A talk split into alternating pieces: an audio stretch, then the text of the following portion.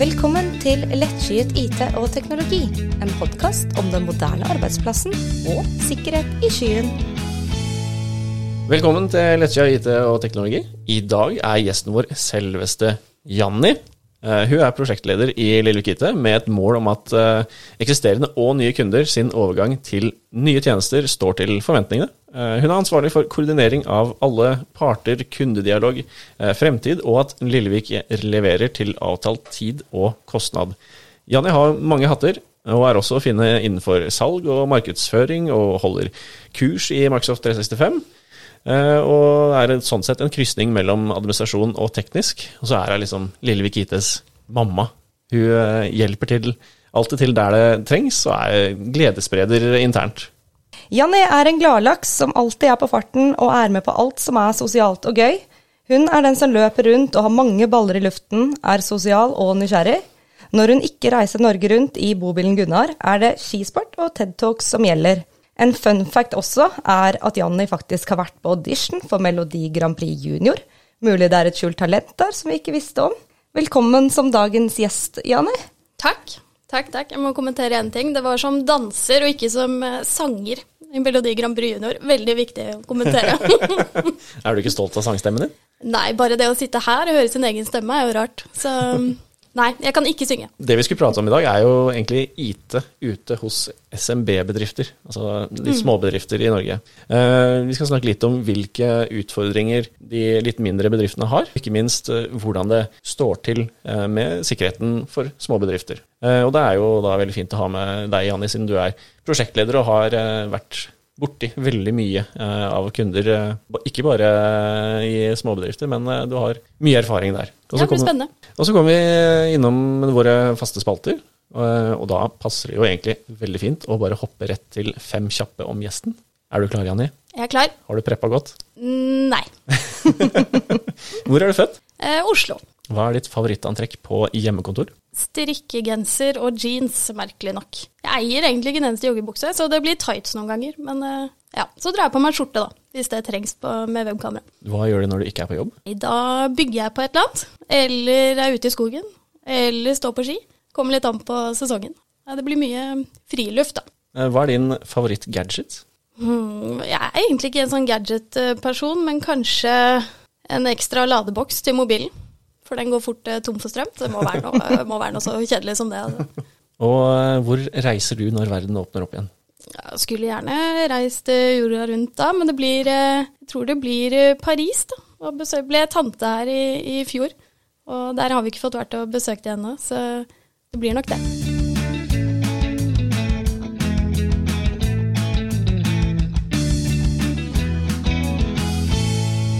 Det vi skal snakke om i dag, er jo ja, hvordan er ståa egentlig ute hos uh, de SMB-bedriftene, særlig innenfor sikkerhet, da, siden vi snakker mye om sikkerhet i denne podkasten. Vi kan jo begynne litt sånn litt generelt, uh, ut fra dine erfaringer. Altså, hvordan er ståa ute hos småbedrifter når det gjelder gjelder IT. Altså har de eh, egne IT-folk, har de sikkerheten på plass, eller bruker de mye skytjenester, eller har de eh, en god gammel server i et bøttekott? Eh, ja, bredt eh, spørsmål. Eh, en SMB-bedrift, definisjonen på det er jo litt sånn vagt fra ja, hva det er i Norge og hva det f.eks. er i USA. Da. Så I USA så går det opp til 500 ansatte. Her er jo det noe helt annet. I vår kundebase så er det jo veldig spredt. Vi har jo flere hundre kunder. Og jeg vil jo si primærkuren ligger på sånn ja, rundt 30 eh, ansatte, da. Og der er det vel gjerne sånn at eh, IT liksom bare har vokst litt med deg, og så kommer det til et punkt hvor det blir for stort, og du trenger litt hjelp. Mm. Så for de små så har de ikke egne IT-folk. Og de store har eh, kanskje flere avdelinger. Det kommer litt an på hva slags bransje man er i. Da. Eh, men det vi ser også, er at små startups da, som bare er et par ansatte, de starter med IT fra starten av. Så mm. der er det kanskje en av de første personene som faktisk blir ansatt inne hos oss. Så det er et helt annet perspektiv på det. Men jeg tror for de småbedriftene vi jobber med, så er det primært en eh, ja, daglig leder som kanskje har et IT-ansvar litt sånn på sida. Kanskje litt uh, ufrivillig. Altså, IT har lett for å bli en sånn salderingspost at det, altså, det må jo være der. Kanskje en eller annen har en litt sånn interesse innenfor IT, og så bare blir ansvaret plassert der. Ja, jeg tror også det. Og jeg tror det går litt på ressurser og tid også. Og interesse, ikke minst. Da. Så man har mye man skal styre med som, som en liten bedrift. Og hvis du ikke har egne IT-folk, så, så, er jo det noen som må bare ta på seg det ansvaret. Og da blir det vel eh, litt sånn som hos oss, at du flere, har flere hatter, da. Og det mm. kan jo være vanskelig å kontrollere, på en måte. I forhold til å ha flere hatter, for det, altså IT er jo ikke bare IT, det er jo mange deler innen IT også, f.eks. innen, innen sikkerhet. Hvordan er dine erfaringer fra de kundene vi har? Det, har de et fokus på sikkerhet, eller har de full toppsikkerhet, eller er det liksom Hvordan eh, er ståa der? De færreste har jo kontroll på det, men det skjønner man jo for så vidt. Eh, og jeg tror det er litt sånn todelt. Jeg tror én eh, pga. at man ikke helt ser behovet eller har andre ting å prioritere. Og så ser vi gjerne at når noen har opplevd noe, f.eks. et sikkerhetsbrudd, da, da, tar man tak i det. Så det er gjerne sånn at enten så har du sett noe skremselspropaganda, eller du har fått med deg Stortinget, eller du har lest noe i media som du blir litt usikker på om kan gjelde din bedrift også, og så tar du grep da etter det. Det er veldig ofte vi prøver å fremme sikkerhetsforslag da, hos våre kunder. Men at vi kanskje også er for dårlige på å liksom forklare det på godt norsk, da, og ikke bruke fagspråk. Så mm. det kan være litt stort å ta inn over seg. Det er en jobb vi må gjøre òg, da. Ja, ikke sant. Og der er det jo si, Min erfaring da, fra prosjekter er jo det at jeg som tekniker jeg, Det merker vi jo her også i podkasten, at jeg blir jo gjerne litt for teknisk. For mm. teknikk er jo gøy. Det er jo masse kult man kan gjøre. Mm. Men der er det jo ganske viktig å ha med da, eh, egentlig deg da, som et litt balansepunkt. Mm. Fordi der jeg fort kan bli for teknisk, så, så kan du være med å balansere det litt, særlig i forhold til dialog med kunder. Jeg tror sikkerhet høres ut som å gud, det går utover brukervennligheten, og det tør jeg ikke gi mine ansatte. Men det kan gjøres mye smart, så egentlig de ansatte ikke kjenner så mye til det. Så det å komme dit da, og fremme det budskapet om at det ikke er så vanskelig å skru noe på, eller å bruke det, det er noe vi må jobbe hver dag, for så vidt. Det er jo egentlig litt av temaet her, eller litt av bakgrunnen også for podkasten, er det ikke det, Trine? Jo, nettopp. Eh, det er jo litt for å eh, kunne forklare disse begrepene, eh, det tunge IT-språket. Gjøre det litt forståelig å snakke om det. Mm. Så både våre kunder og andre som lytter til podkasten, kan forstå det. Litt som du nevnte, IT på norsk. Mm, og så tror jeg det er vanskelig å vite hva slags nivå man sitter på i dag. Da. Jeg tror veldig mange sitter og liksom føler de har kontroll, og så ja, får de beskjed om at de ikke har det, og så klarer du ikke helt å sammenligne tjenester eller produkter mot hverandre. Jeg tror det, det, kan være vanskelig da, med så mye forskjellige begreper om kanskje de samme tingene. Ja, ikke sant. Og der har vi et veldig godt eksempel på eh, det her med tofaktorautentisering. Mm. Hvor mange navn har det? Ja, Hvis du tar norsk og engelsk, så jeg vet ikke, kanskje sju, åtte, ni, ti, noe ja, Ikke sant? Ja. ja det tror jeg. Og det, det, er jo liksom, det er jo egentlig det enkleste sikkerhetstiltaket som høyner mest mulig. Jeg er litt spent på ditt perspektiv der, fordi eh, jeg har jo min definisjon på tofaktor. Men vil du, hvordan vil du forklare hva det er for noe? Det gjør jeg jo hver uke. Da sier jeg det er som bank-ID. Du vil ikke at noen bare åpner mobilen din og er rett inn i banken, eh, overfører penger. Akkurat sånn burde du se på firmadata. Da. Så det å verifisere seg én ekstra gang utover brukernavn og passord. Altså enten i form av at du blir ringt opp på telefonen eller bruker en app da, som gir deg et push-varsel. Det er um, tofaktor- eller totrinnsautentisering for meg. Da. Det syns jeg var en veldig god sammenligning. Og den er jo for folk flest noe man kjenner igjen. Det er vel ikke så veldig mange i dag som ikke har bank i det. Nei, og det er noe man bare har blitt helt vant til. Man tar det helt, liksom, helt for gitt at, det, at, sånn er det. Og dit er vi liksom på vei over i, i IT-bransjen nå, føler jeg. At vi klarer liksom å fremme det budskapet da, om at det sikrer deg faktisk ja, 99% mer enn å ikke ha det på. Så, og det er ikke så komplisert å, å, få til heller. Og jeg ville ikke vært så redd for hva de ansatte sier. Det er noe man uh, egentlig bare skjønner. At uh, sånn bør det være. Hvis man man eh, tenker seg om en gang ekstra. Da. Um, litt tilbake til sånn type prosjekter og kunder som, som vi har her i, i Lillevik. Da. Vi er jo en type bedrift hvor vi ikke er så veldig aktivt ute og henter folk eller kunder inn. Veldig ofte så er det jo de som kommer til, til oss. Kan du si litt om hva er de største utfordringene som, som bedrifter sliter med når de kommer til oss? Vi får mange kunder basert på et eller annen form for sikkerhetsbrudd. Og det skulle man gjerne delt mer om, men dette er jo liksom en kjent greie. da, at det, Hvis du har opplevd noe, så har du ikke lyst til å dele det. Uh, og det er en liten sånn utfordring man har. Men vi har jo til enhver tid ja, 10-12 prosjekter gående, som enten er etablering av nye kunder, som kanskje har kommet til oss akkurat pga. et sikkerhetsbrudd, de har funnet oss på nettet. Eh, og sett at vi er gode på det, eller i form av sikkerhetsimplementasjon hos eksisterende kunder. Så det sier jo litt at de 10-12 prosjektene som går til enhver tid, er ofte initiert av kunden selv, og det er ofte relatert til et brudd.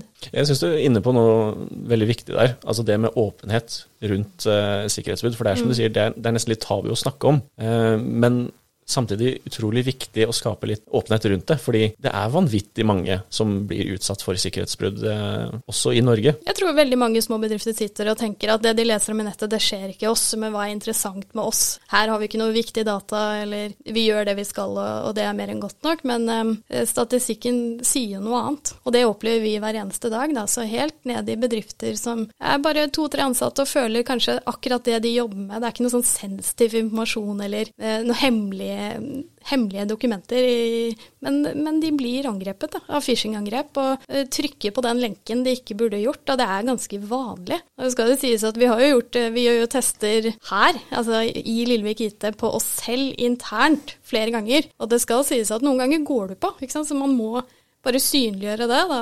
Det er lettere å tråkke i fellen enn det man tror. Så vi får heller hjelpe ansatte til å ikke har muligheten til å gå i fella. Og det jobber vi mye med. da. Å ha sikkerhetsløsninger som gjør at du rett og slett blir blokkert, sånn at du ikke klarer å trykke feil. Gjøre det du ikke burde gjort. Da. Og så er det jo også viktig å ha en kultur for at hvis du da går i fella og trykker mm. på et eller annet, da må man jo kunne si fra. Ja, ja. Helt klart. Og det, det, der føler jeg egentlig at ja, de fleste bedriftene vi jobber med, i hvert fall, at det ikke er en utfordring. Vi har jo gjort en del tester for kunder hvor vi rett og slett simulerer angrep. F.eks. et phishing-angrep, og så ser det veldig ekte ut. Eh, og det er lett å gå i fella, men at det som skjer i andre enden da, det er jo ikke sånn ja, ja, ja, her skulle du ikke trykket. Ikke sant? Det er en fin kommunikasjonsplan rundt det i forhold til hvordan man kommuniserer når noen faktisk har trykket på noe. Da. Jeg tror det er viktig at folk tør å dele litt, at det er lett, så vi må heller hjelpe folk til å, til å jobbe riktig, da, og ikke mm. For alle går i noen småfeller hele tiden. Ja, ikke sant. Det, det er jo menneskelig å, å, feile. Det er det jo. Å gå på en, eh, et phishing-angrep eller et eller annet. Det er bare sånn det skjer, og så må man bare håndtere det. Jeg tror også at det du sier med at eh, det skjer ikke oss. Eh, vi er for små og ubetydelige og ikke, sitter ikke på noen viktige dokumenter og alt det der. Jeg tror det kanskje mange mindre bedrifter glemmer, er at det, det kan ha utrolig store økonomiske konsekvenser. Vi var jo hørt hørte om en bedrift etter, og de var jo ikke mange ansatte. Eh, og de tapte vel rundt 800 000. Det var en sak på NRK også. Jeg tror det er viktig å tenke på den biten også. For det er jo ikke, det er ikke bare de dataene som, som, du snakker om, eh, Janni, som ikke er sensitive. Det er jo faktisk det at eh, hvis daglig leder f.eks. i en bedrift blir utsatt for sånn type angrep, så kan angriperne sende en e-post til økonomiansvarlig f.eks. og si husk på å betale denne summen til det her kontonummeret. Og når du da ser på at avsenderen er faktisk daglig daglig leder, da, fordi at den kontoen har blitt komprimentert, så, så, går jo pengene fort tapt. Men det er jo over på et annet, nå er jeg ikke så godt kjent med det, men det, det finnes jo mye eh, cyberforsikringer f.eks. du kan kjøpe deg på nå. Som Stemmer. akkurat er eh, til dette formålet. Ja, det er vel Jeg husker ikke hvem det var som uttalte det, men det var noen som uttalte at 2021 det kom mm. til å bli liksom cyberforsikringens år. Og det går jo på det at man forsikrer seg mot at, at sånne type feil skjer. Da. At man f.eks. utbetaler penger til noen man ikke skulle utbetalt til. Mm. Så får man det tilbake igjen. Det er som du sier, det skjer jo. Men det sier jo litt. Når de forsikringene vokser og blir tatt i bruk, så er jo det av en grunn. Skru på tofaktor er vel da Tips nummer én. Tips nummer én er ikke så vanskelig. Nei. Nei, ikke sant. Litt som, som, du var inne på, Trine. Det med bedrifter som blir utsatt for sånne type angrep. Det er ikke nødvendigvis sikkert at du merker det. De er utrolig flinke til, at, til å skjule skjule seg når de først kommer inn. En angriper i dag er jo eh, ikke sånn at liksom tidligere med, med, virusangrep så var det liksom det var om å gjøre å ødelegge mest mulig og gjøre mest mulig oppmerksomhet ut av seg. Men nå så vil man jo bare inn og så skal sitte der Mm. følge med. Og det er litt sånn skummelt, for da, da, merker man jo ingenting. Mm, nå husker jeg ikke akkurat tallet på det, hvor mange dager det tar før man oppdager et sikkerhetsbrudd, men det husker kanskje du, Petter. Men det er vel uh... Altfor mange, ja. rett og slett. Nei, jeg husker ikke nøyaktig, men det var et uh, betydelig antall dager. Jeg lurer på om det var et par-tre måneder, som er gjennomsnittet. Noen ganger så er det betydelig lenger òg. Uh, og da, det er jo litt upraktisk når man har en, en angriper som sitter og følger med. Ok, den økonomiansvarlig, f.eks. Han mailer mye med den og den personen til de og de tidene. ikke sant? Og da får man jo Når man da får en e-post fra de angriperne på de tidene, så er det, ja, men det er helt normalt. De kommer inn og lærer seg språket. Det er lett, lett å gå i fell. Det bringer vi oss litt innom du, eh, videre til om småbedrifter i Norge er attraktive mål. Jeg tror du var litt inne på det i stad, men, mm. men, er det så farlig for en liten bedrift i, i, Norge i dag? Har man risiko for å bli tatt av sånne type ting? Rett og slett. Det er jo ikke noe enklere svar enn det. Uh, det er det vi jobber med hver eneste uke. Og som Petter sa i stad, så eh, jager ikke vi nye kunder. Og det sier jo litt. Det bare ruller og går av seg selv. Så stort behov er det, da. Alle tjenestene vi selger og det vi jobber med og konsulentene våre, de oppdragene de er ute på, det primært så omhandler det dette. Eh, og vår kundebase er som sagt da den primærkunden ligger kanskje på sånn 30 ansatte, og kundebasen vår er på mange hundre. Så ja, det, det gjelder småbedrifter. Og det er jo, jeg vil jo si det, det er like viktig eh, om man er to ansatte eh, som når man er 100, fordi sikkerheten bør jo være der uh, uansett. Men uh, hvor, hvor, lett er det å innføre sikkerhet i en, i en liten bedrift kontra de litt større uh, i vår kundebase f.eks.? Er det noe forskjell der, i din erfaring da, fra prosjektet? Det er jo dessverre en stor forskjell der. Og det er jo så enkelt som at jeg tror veldig mange er redde for å gjøre sikkerhetstiltak rett og slett pga. hva vil de ansatte si.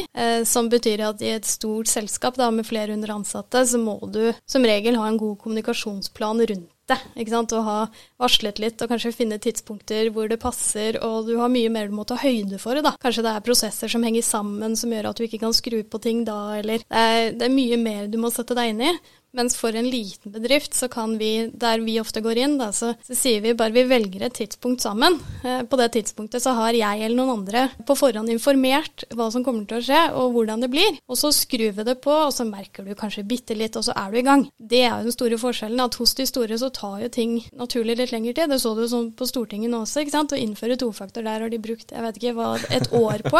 Og det er sånn, man kan tenke at det er, liksom, høres jo helt merkelig ut, men jeg jeg skjønner det jo til en viss grad, Fordi, men på et eller annet tidspunkt må du bare komme dit at nå får vi bare skru på, og så ja, får det bære eller briste hvis du, ja, hvis du er så redd for det, da. Mm. Det tror jeg er viktig. Ja, så ja. Stor forskjell. Jo, nei, det, det er jeg helt enig i. Det er uh, lett å komme i gang fordi man er, hvis man er små. For da er man uh, veldig agile, hvis man skal bruke et uh, fremmedord. Ja, ja. Og så er det jo sånn at vi har jobbet da med små bedrifter, eller SMB-bedrifter, i mange mange år. sånn at vi har jo også kommet dit at vi har fått bygd oss opp en standardpakke, da, om du kan kalle det, spesielt innenfor Microsoft-plattformen. Så så lenge du bruker noe innenfor der, så kan vi liksom rådgi deg og si dette er det basis vi pleier å anbefale til alle som ligner på deg. Eh, og så kan du velge å skru litt av litt på, eller justere litt på det, men der er vi så gode at vi gjør det liksom på samlebånd. Så for deg som SMB B-bedrift som kanskje ikke har så IT-fokus eller bryr deg om sikkerhet, så er i hvert fall den kosten eh, å komme i gang veldig lav. Fordi vi har rett og slett gjort det på samlebånd, så for teknikerne hos oss så tar det veldig liten tid. Ja, det skal være lett å komme i gang. Det skal ikke være store implementasjonsprosjekter bare for å få på tofaktor for våre SMB-kunder, i hvert fall. Nei, ikke sant. Og der, eh, det også er litt uh, tørste innom det med hva skal man ha av sikkerhet? Mm. For det er jo ikke veldig lett for uh, Hvis du er en liten startup som ikke har noe Ingen av de ansatte har noe IT-bakgrunn, f.eks., så kan jo det være uh, en liten jungel å navigere seg i. Så hva trenger man av sikkerhetstiltak? Og sikkerhet er jo så bredt også, så du kan jo prate om sikkerhet innenfor hvilken som helst område, på en måte. Men, men for oss primært så handler det om at hvis du jobber i Microsoft-verden, så burde du skru på tofaktor. Du burde ha kontroll på alle enhetene som har tilgang til firmadata. Så det gjelder både datamaskiner og mobiler. Eh, og det siste poenget der med mobiler er det mange som glemmer at du har tilgang til firmadata på mobiler, så du burde ha kontroll på de også. Og så sette regler, kanskje regler i forhold til hvilke passordkrav du skal ha på maskinen din eller på mobilen. og at den må krypteres eller ikke, osv. Så, videre. så Så der har vi en sånn standardpakke som vi anbefaler, som de fleste tar. Og så kan man velge å legge på eh, mer utover det, da. Og det, det, med mobiler er jo litt sånn eh, interessant, fordi fra, fra, før man egentlig ble vant med skytjenester, så var liksom mm. det å ha mail på eller e-post på telefonen, det var jo noe man, eh, man begynte å ta i bruk ganske tidlig. Det var noe av de første, liksom, det man gjorde på mobilen sin. Men nå i dag så har jo den ikke bare tilgang til e-posten, den har jo tilgang til vanvittig mye mer. Ja, så det vi ofte gjør, er at vi får alle ansatte til å registrere mobilene så vi får kontroll på dem. Og så setter vi krav deretter, sånn at f.eks.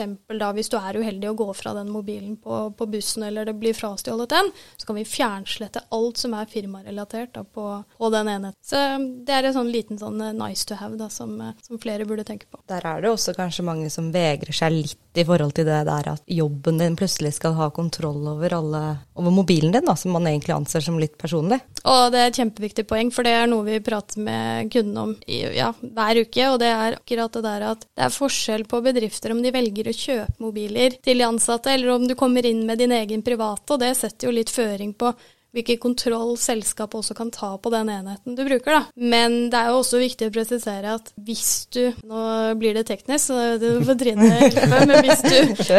MDM-enroller enheten din ja, det, betyr Altså Hvis du registrerer den, da, det du gjør i praksis, er at du laster inn en applikasjon på mobilen som gir IT tilgang til å sette krav til den. Eh, så, men når du laster inn den applikasjonen, så får du jo beskjed der hva IT har tilgang til og ikke. Det kommer opp veldig synlig, men folk kan fortsatt bli nervøse. ikke sant? Der blir det sånn Kan eh, IT nå se eh, meldingene mine? Kan de se telefonloggen min? Hva med mine private bilder? Ja, søk i browser, alt sånn. Men, men, det kan man ikke, og det er veldig liksom, viktig poeng å få frem. At eh, det er kun relevant informasjon, som f.eks. OS-versjon, at du er oppdatert på siste versjon, hvordan type modell du har. Da. Så det er helt det basic uh, man får vite, og det, det, er det mange som blir redd for. Og det er helt naturlig. Så det er en jobb vi som ja, IT-partner til mange kunder må liksom være med å forsikre om. Da, at eh, det er trygt, og det ikke er skummelt. Det tror jeg er veldig viktig. Så er det jo sånn, det er jo lett å Man klikker seg jo veldig fort forbi når man laster en sånn sånne nye apper. Eh, og den meldingen som kommer opp der, jeg har jo sett den selv et par ganger. Mm. Du leser jo over den, eh, mm. men det lønner seg å lese den godt nok. Mm. Så forstår man kanskje at dette er faktisk ikke så farlig. Ja, Så det vi gjør, er at vi ser jo at det holder ikke, for folk trykker akkurat ja. som du sier.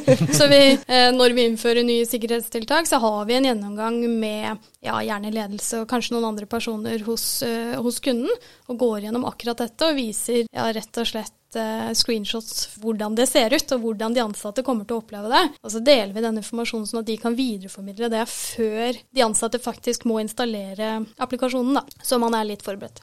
Der tror jeg du er inne på noe ganske viktig, altså mm. det å informere på forhånd. Mm. Uh, fordi jeg kan jo tenke meg sjøl at hvis jeg får beskjed om at nå skal vi som bedrift begynne å administrere mobiltelefonen din, så tenker jeg sånn mm, hvorfor det? Altså, mm. Da kommer dere til å se altfor mye, og så, så gjør jeg ikke den jobben som jeg må gjøre for å få den mobilen eh, innrullert, da, som du sier. Eh, så der er jo informasjon utrolig viktig. Litt for å komme til, tilbake til startups og sånn, da. Eh, hvis jeg skulle starte et selskap nå, så er kanskje noe av det første man tenker på at man må ha, er jo e-post. F.eks. gjennom Microsoft 365. Men er det noe sånne startups, eller for så vidt småbedrifter som allerede er i gang, kan gjøre for å forberede innføring av sikkerhet før man liksom tar steg og tar sikkerheten? Ja, altså du kan jo starte med å gå til innkjøp av enheter som er ment for bedrift. Da. Det ser vi veldig ofte, så det, det hjelper litt. Hvis du kjøper f.eks. en en datamaskin, så kjøp en som er ment for bedriftsmarkedet. fordi der kommer det med en del sikkerhetsfunksjonalitet som du ikke får f.eks. hvis du bare kjøper en, en PC på,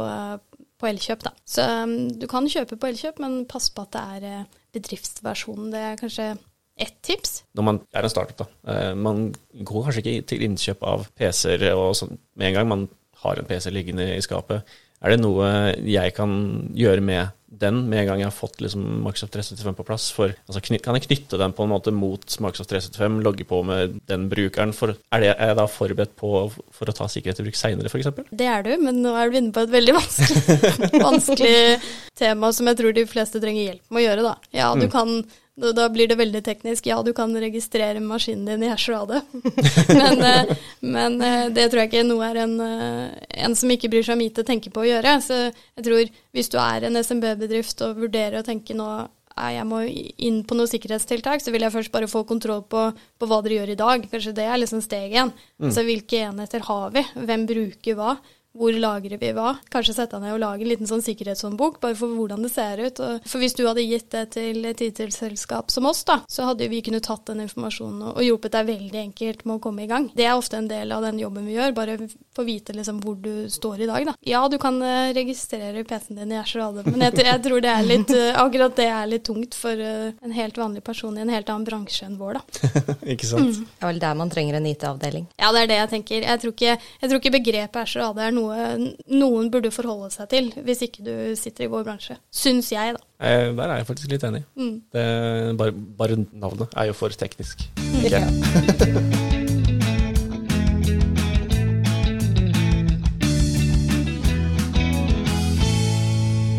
Ja, nei, men jeg lurer på om Skal vi bevege oss litt videre til, eh, til nyhetsbildet? For jeg fant en artikkel her fra, på Digi, tror den kom i slutten av mars, som er ganske relevant til, eh, til bedrifter generelt. Det er rett og slett en, eh, si, en rapport eller en uttalelse fra, fra Norsis om at mange veit ikke engang om de har totrinnsautentisering til jobb jobbens IT-systemer. Og det, det er jo hva skal jeg si, litt graverende, kan man si det. At uh, mer enn hver tredje spurte nordmann uh, i arbeid bruker ikke, eller veit ikke, om man bruker tofaktorautentisering for å komme inn på kontoene sine i jobbsammenheng. Ja, altså, den kan være så delt, da, uh, den artikkelen. Fordi jeg vil si, først så høres det veldig negativt ut. Så tenker du nei, men folk må jo vite hva slags sikkerhetsløsninger man har, og det har liksom ledelsen og IT et ansvar for å dele med de ansatte. Altså, dette er løsningene vi bruker.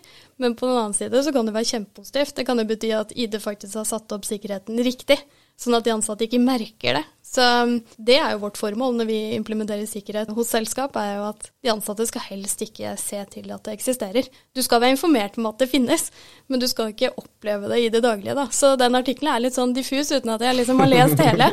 Hva som ligger bak, den er nok vinkla negativt. Så jeg vil jo tro det som ligger i bunn, er at veldig mange ikke bruker det. da.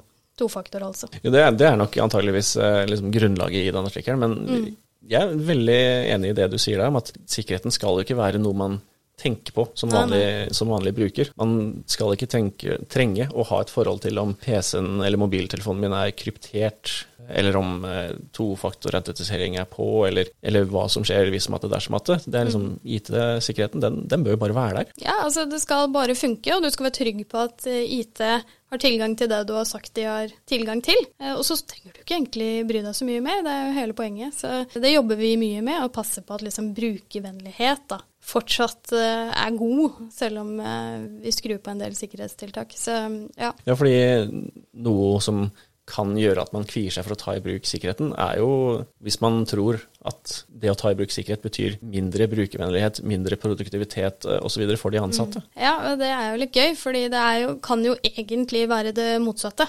Eh, fordi vi, hvis vi hadde satt opp en sikkerhetsløsning sånn i Microsoft-verden etter best practice sånn vi ser det, så betyr det at du aldri trenger å bytte passord igjen. Sånn at hvis du slipper å bytte passord, men må verifisere deg med en app en gang innimellom, og det er ikke hver dag, og det betyr ikke hver gang du logger inn, så tror jeg nok de aller fleste da velger å verifisere seg ekstra. Hvis det betyr at de kan slippe å bytte passord noen gang igjen. Så det er kanskje et poeng vi må få frem mer tydelig. Da, at eh, jo bedre, smartere sikkerhetsløsningen er satt opp, jo mer brukervennlig er den, og du vil verke, merke veldig lite til den. Brukervennlig sikkerhet. Brukervennlig sikkerhet, ja. I forhold til tofaktorautentisering så tenker jeg at noe av grunnen til at folk ikke vet om de har det, kan jo faktisk være at uh, f.eks. enheten din er en ekstra faktor. For det kan den jo være. Ja, det kan være at på den jobbenheten du bruker, så slipper du, rett og slett. Så, og det er jo det vi jobber med hver dag. Få folk til å registrere enhetene, for da eh, slipper du unna noen andre sikkerhetstiltak. Hvis man vet at den enheten du jobber på, den etterlever sikkerhetskravene vi har satt. Så Og så kan det jo være litt ålreit det med en, en passordløs hverdag. altså, fantastisk. Hæ? Det er nydelig. Ja, ja, ja. Så alle vi har pratet med, alle kunder jeg har pratet med de siste ukene, det er drømmen. Det høres jo ut som en utopi. Ja, ja. Men det er jo ikke det. Altså, Vi er veldig nærme å komme dit. Eh, vi har fått det til på noen kunder. Men, eh, men da er det jo betimelig å spørre liksom, eh, hvordan er Hvor langt har vi sjøl kommet internt her med en passordløs hverdag? La, la meg spørre deg, Janni. Hvor ofte bruker du passordet ditt for å logge inn noe sted med den jobbenheten du har? Bruker aldri passordet mitt. Jeg bruker eh, enten en PIN-kode, eller så bruker jeg fjeset mitt, rett og slett. Og det er jo integrert med alle systemene vi bruker, så det aldri, jeg trenger aldri dytte inn passordet mitt noe sted. Eh, Men jeg må bytte det, da, innimellom. Det må jeg Ja. fortsatt. Så sjøl her så er vi ikke vi helt i den passordløse hverdagen. Vi har ikke kommet dit helt selv ennå, nei. Så det er jo kanskje litt tilbake til du spurte om sånn tips hva man kan forberede seg på eh, hvis man er nyoppstarta eller vurderer å komme litt sånn inn på sikkerhet. Da. Så start med det da, som prinsipp. Kanskje at vi vil eh, kjøpe enheter som tillater deg å aldri dytte inn passord, med biometri da, f.eks. Biometri, det er Det er eh, ansiktspålogging, f.eks., eller eh, Fingeravtrykk. fingeravtrykk. Jeg vil jo påpeke at det at man har en passordløs hverdag, det Mm. betyr jo ikke at man aldri trenger å inn med et eller annet for å vise at det er. Det er jo, som du sier, eh, ansikt eller PIN-kode, f.eks. Det som er veldig fint der, er jo det at den PIN-koden, f.eks.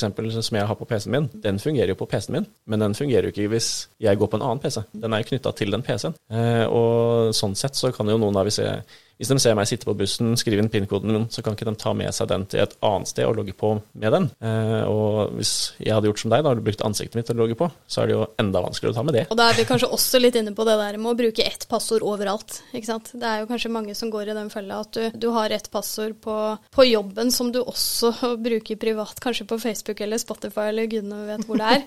Så hvis du da får et brudd privat, da, si at eh, noen har klart å hente ut passordet ditt på en av de private kontoene du bruker, så er det fort gjort at eh, de som har funnet det, også prøver på de eh, jobbkontoene du bruker. Og da er det kanskje litt ekstra skummelt. Så ja, bort fra passord. eh, Vi burde komme dit, ja. Der er det jo en sånn nettside som heter Have I Been Pwned? Så man kan gå inn Mm. Og, og sjekke om passordet har blitt lekket. Så det kan jo være en anbefaling til lytterne våre. Absolutt. Eh, bare ikke bli for skremt, for det mest sannsynlig så kommer det til å stå Du er blitt Altså, Ja, Det har det vel gjort på alle oss også, har det ikke det? jo, jo. Altså, alle, alle e-postadresser en gang i tiden har, blitt, eh, har dukka opp i et eller annet brudd. Uh, det viktigste er at ikke passordet som du bruker i dag, uh, er blitt uh, åpent tilgjengelig. Mm, og så er vi litt inne på det også, med tofaktor igjen. da. At Mm. Gjør det privat også. Ikke sant? Ikke sant? Gjør det. Du kan gjøre det på Facebook og på Spotify og på Instagram og alt du bruker. Så gjør det der òg. Så, så er ikke det passordet ditt så relevant lenger. Så da spiller det ingen rolle om du har eh, vinter 2017 som, eh, som passord. Eller barna dine, eller Ja, ja, ja. Ja, ikke sant? Det er det første man prøver. Så, sånn er det.